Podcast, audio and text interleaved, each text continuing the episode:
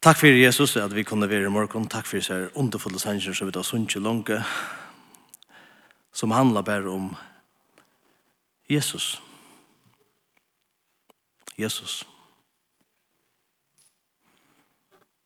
Ma tar vera evne alla som vi tar skjermen morgen.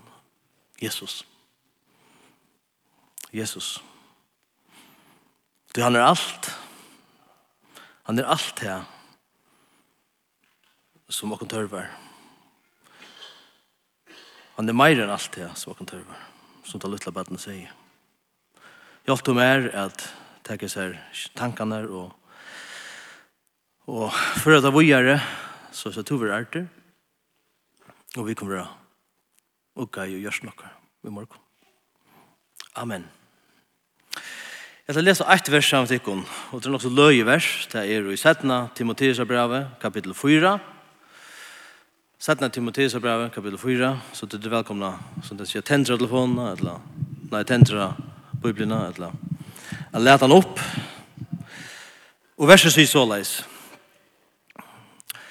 Paulus som skrev till Timotheus, han säger ta i till kemer jag vet jag i fångseln här tar vi till er kappan som är leje efter i troas tja tjakarpose och så är det hända frasen som jag också om och bökerna särliga skinnbökerna Ta du ikke mer visja med i fangslån. her snakker bøker vi. For noen år siden, tar vi tatt visjan av uh, ungfalkje som kom ned og tatt som vi kallar Parola, nere i Italia, under føringar, så gjør vi et ene for en affær til Rom, kan jeg by en vimmann som er som heter Manuele, som hever Grinja Bibelskole Rom og kjenner vel Rom, og kjenner vel Bibelene, uh, at, at være som en guide for dere. Så står vi framme for Pantheon, Ok, Og han brukte alltid en 20 minutter, 25 minutter å fortelle om Pantheon. Om søvla vire, om arkitekturiska vire og, og religiøsa vire og så videre i Pantheon. Så sier han, men nu du han tog meg at suttja Pantheon hvis du vilja. Annars er det så litt uishandel bant om hjørne hvis du hodel til det. Fum, det var ødelig uishandel. Angel for en Pantheon. Nå, Det som kjenner meg videre, ta jeg ferdig rom, så er det ikke Pantium. Jeg ser Pantium og, og, og Colosseum og, og Pederskirchene og Spanske trappene og Trevi, eh, Springevattnet og Vatikani og så videre. Og akkurat, ok, been there, done that, seen it. Men det er et sted som vi ferdig atter og atter og atter og atter til. Det er så lyte, nesten av skjønnelig sted, som er et hennagleie fra Colosseum, som virkelig bare er et hål i hjørnet. Og det er fengehuset, som vil halda at Peter, eller Paulus, og kanskje eisen Peter, hava sitt jo i, da det er boi etter, av er avratt der. Og i mynda der et hål og hjørne. Hvis du fyrir vidtja det nu, så kan du genge trapp og nir under, men ter trappen var ikke ta, ta var bare en rist, et hål, og så en rist om man hver bei fengar og mæter, og annars kan skulda nir i her, ver, ver, uh, søyla nir i jøkno. Hetta fangsle var mist og kaldt, og det var enslitt Men det var verleggen noen, en septanj. På tammadans skilt, at fengarnir som bare boi av etter skulle være avrat deg ok, her kører vi der. I stedet for å bruke det gode fangsel. Og fra tog i rommet noen, tog i hålen noen og hjørne, leser vi det hese i årene. Og ta er ofta ferdig her, så, så har vi bibelen vi, eller, eller en, en, en telefonen vi, og så leser vi jeg synes ur, eh hesa sista och som Paulus som skriver är och det är rörande för mig. Jag anbefaller dig att göra det visst det fäller om. Är sucha kusse kusse bjärskikter Paulus här. Kusse edgande Paulus här och och och Paulus skriver till Timoteus som är fryr som fiskaren kan vi säga. Och edgar honom. Det skulle vara Timoteus som skriver till Paulus och edgar honom rätt. Och spurningen är Kvosse ber det til? Kvært er likelen at Paulus kan være så uh, bjergsikter, så vognryker, og så frifoter, og så glæver, han sier i sin septankan han skriver.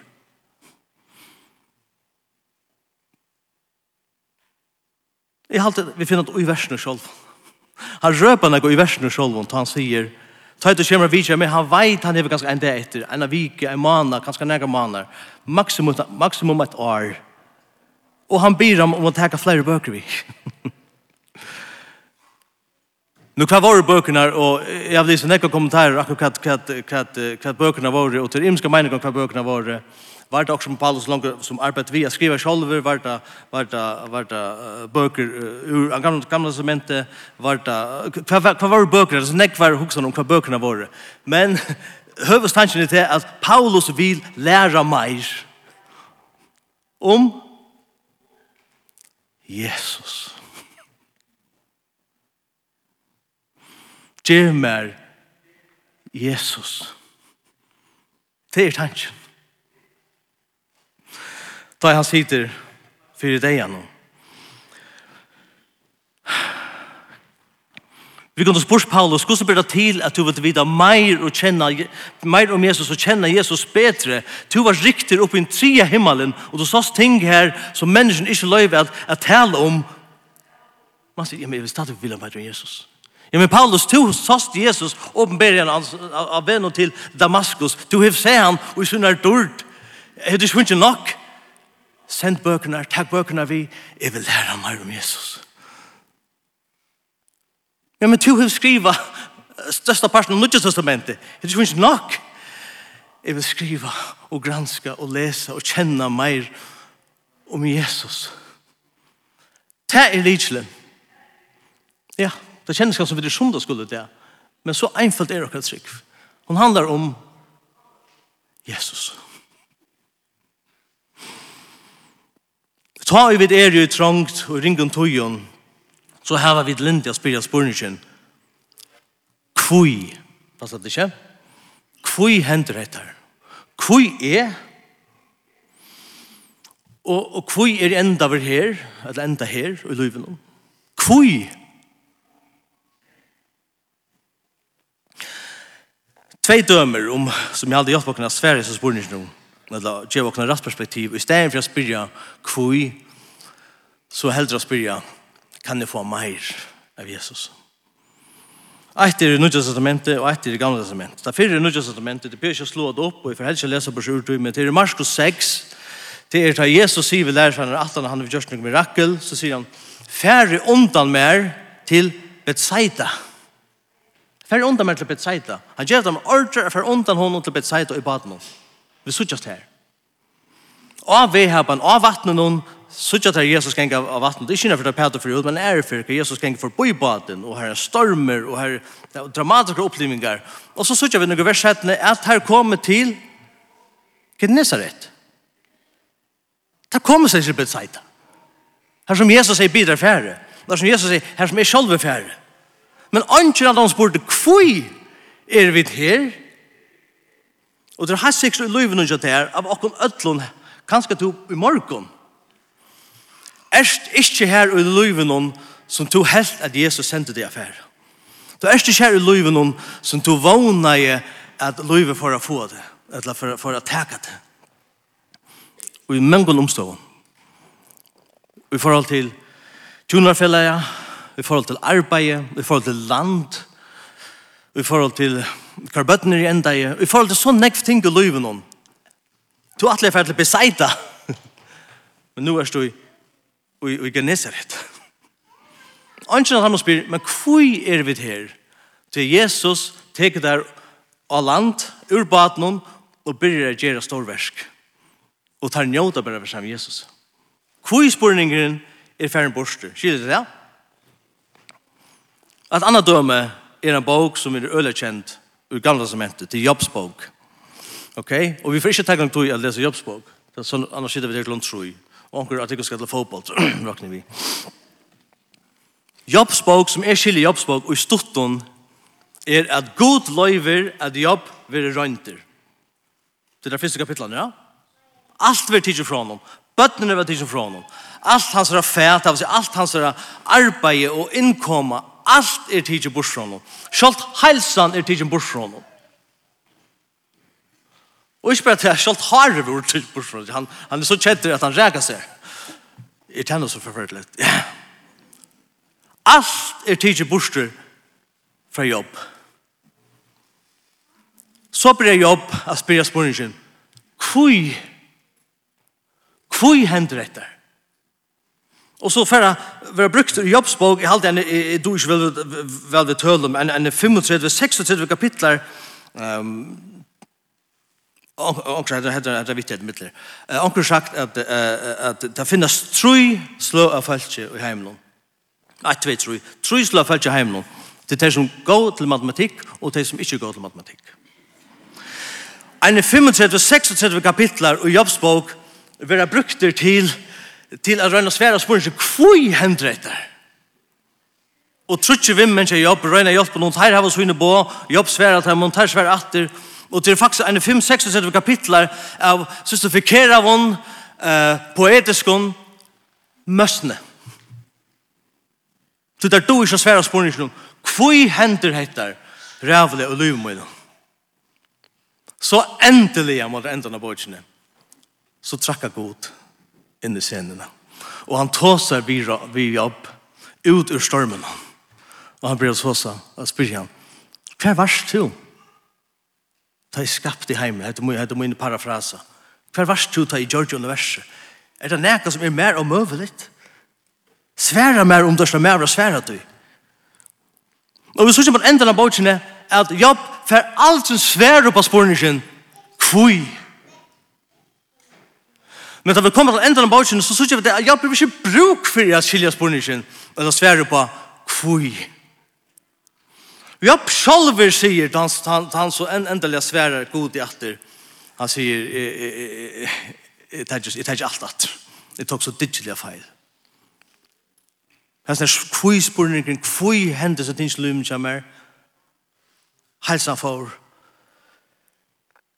bøttene var tidsen, arbeid, grundaleg, livsgrundalei, alt er tidsi. Kvispurningen er ikke viktig, men kan jeg få meira at her?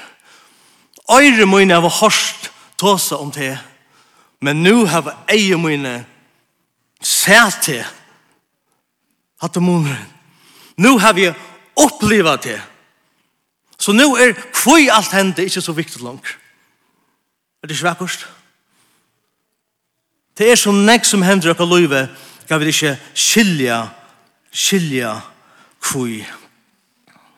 Jeg sa, en av første døgnet kom til ferger, og, og, og portal halte jeg info, at det var en grein som sier til at det var en, en, uh, jackpot, euro, euro jackpot vinnare, eh, som hei vunnet en vinning på 900 og 2,5 millioner.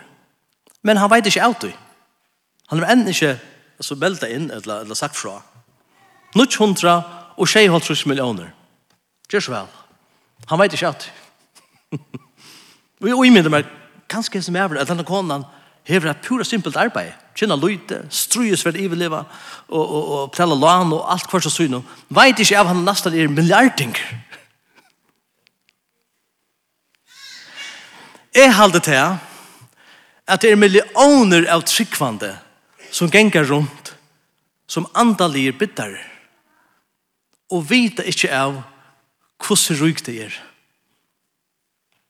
Ta vid koma til trygg og vi er adoptera i inn og i Guds familie ta sier Gud vi okkon alt mot er tutt. Vi tar var vunnet noen kosmiskon. Jackpotte Og vi er kosmiske, andalige milliardærer. Men flest av hun ganger rundt som andalige biddare. Og røyna finna gleina og sværene og i hese luttle tingene under solene. Jackpot. Og i Kristus. Anker og kattla Hetta sista brevet til Paulus, setna Timoteus 4, Paulusa Getsemane. Paulusa Getsemane. Her Paulus på, på nekva matar opplever nekka som Jesus opplevde i Getsemane. Han er ensam atler. Ja, ganske kalter. Myrst. Han åtta vir kvøl. Han bojer etter bare dripen. Altså her nekver paralleller. Heter Paulusa Getsemane. Ui myskrenom ui de einslige, ui seftankan, ui fangslen. Men han leser, han sier noe vers 17. I vers 15. Fyrste fer jeg varte med, kom ikke mer til hjelper. Nei, öll sviker med. Jo, det er som gett se seman, det er Jesus. Men så sier han, hei, det er ikke vært her, ta imot tidrokna. Men Herren, eller, men Jesus, Stå kjammer. Jesus stå kjammer. Og hatt er i vånen elskar vi tid så vi heva så vi skulle eh, afron, så suttja og i egne eh, trobeleikar og rønter og så videre at Jesus er her ui rønten. Han stendte vi okkur. Daniele, som er en, en, en, en som gengur okkar samkom nere i La Fonte nere i Italia, en unge maver, en maver som, som jeg har sett nekva vogn til at, at kunne gjeva nekva arbeid i framtiden Eh uh, hever hetta sørste året er, er hetta sørste året ferdig jo kunne fruktelig ting. För det ikke bruker för jag finner det bättre om han är ferdig jo kunne helvete hetta sørste året Och i ferdig ikke akkurat vad det är men det er familjeron eh uh, søgjene og sjukkesøgjene och nekvann søgjene Og livet er fullt kommelig eh, som ikke jobb øyelagt, kan man si. Og vi som samkomma og er som, som, som bror og viner og som eldste har vi rønt av være her skjerma vi. Ikke bare ene for viken, men daglig av være om Daniele. Tror ikke det er skjønn, så skriver jeg Daniele en tekst til min. Og jeg har ikke omsette det før, men jeg vil omsette det av stenen han sier, helt spontant, Posso smettere un attimo di essere forte, kan det slippe brenna luttla løte fra at skulle være stersker.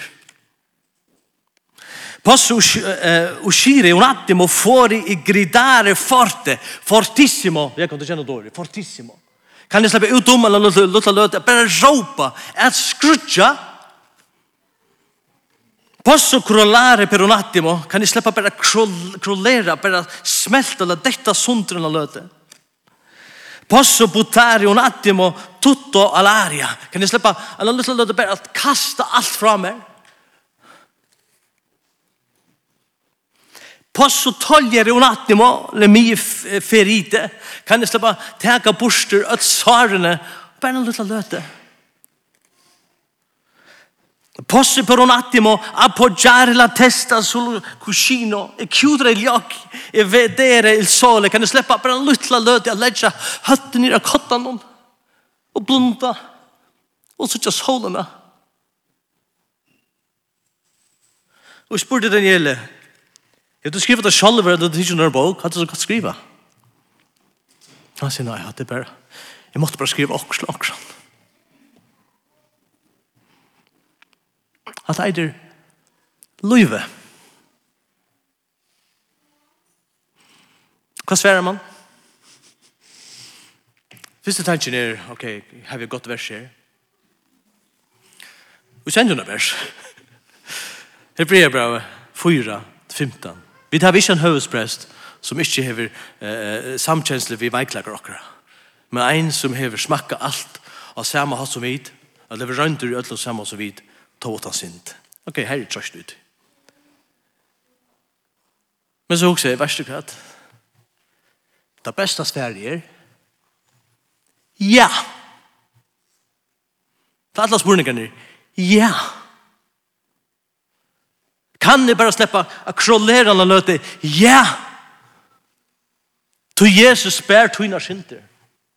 Kan jeg slippe bare luttla løte, ja! at blæka alt fra meg, ja, til Jesus teker imot du. Kan jeg bare anna lustla løte, slippa letja høtte nere av hon, og, og, og, og, og lade egen etter, og sutja jås eller sol, og i verlega noen, ja. Til Jesus ein det, bakte sutt høtt, og ta han leta egen jobb, så så han, inn i en myrk. Einslig. Ein kosmisk konsepttanke. Fotlan av synd, okkar av synd. Ein kosmisk fengsel. Så Sverige, ja.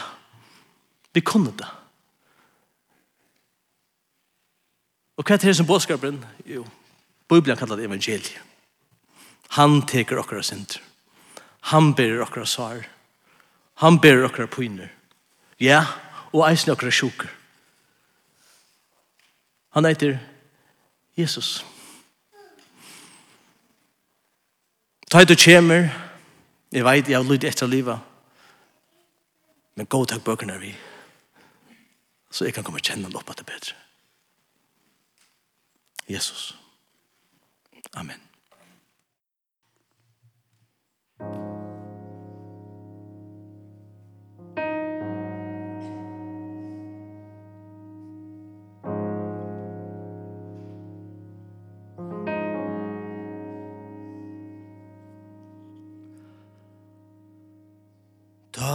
fallen er kvar Bråte lys mot sud og sorg. Og da mantum der kvart torg Gjemmer Jesus.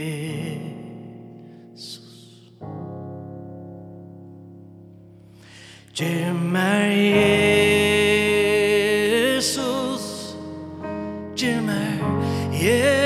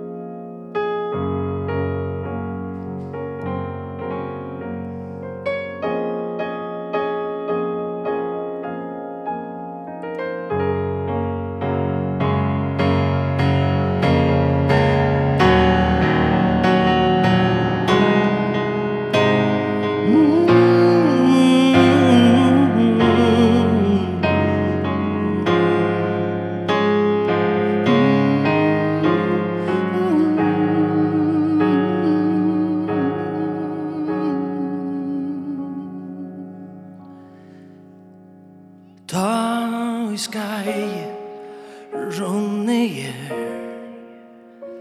Fyrir endar neri her Ta vi deg en burst med ber Gjern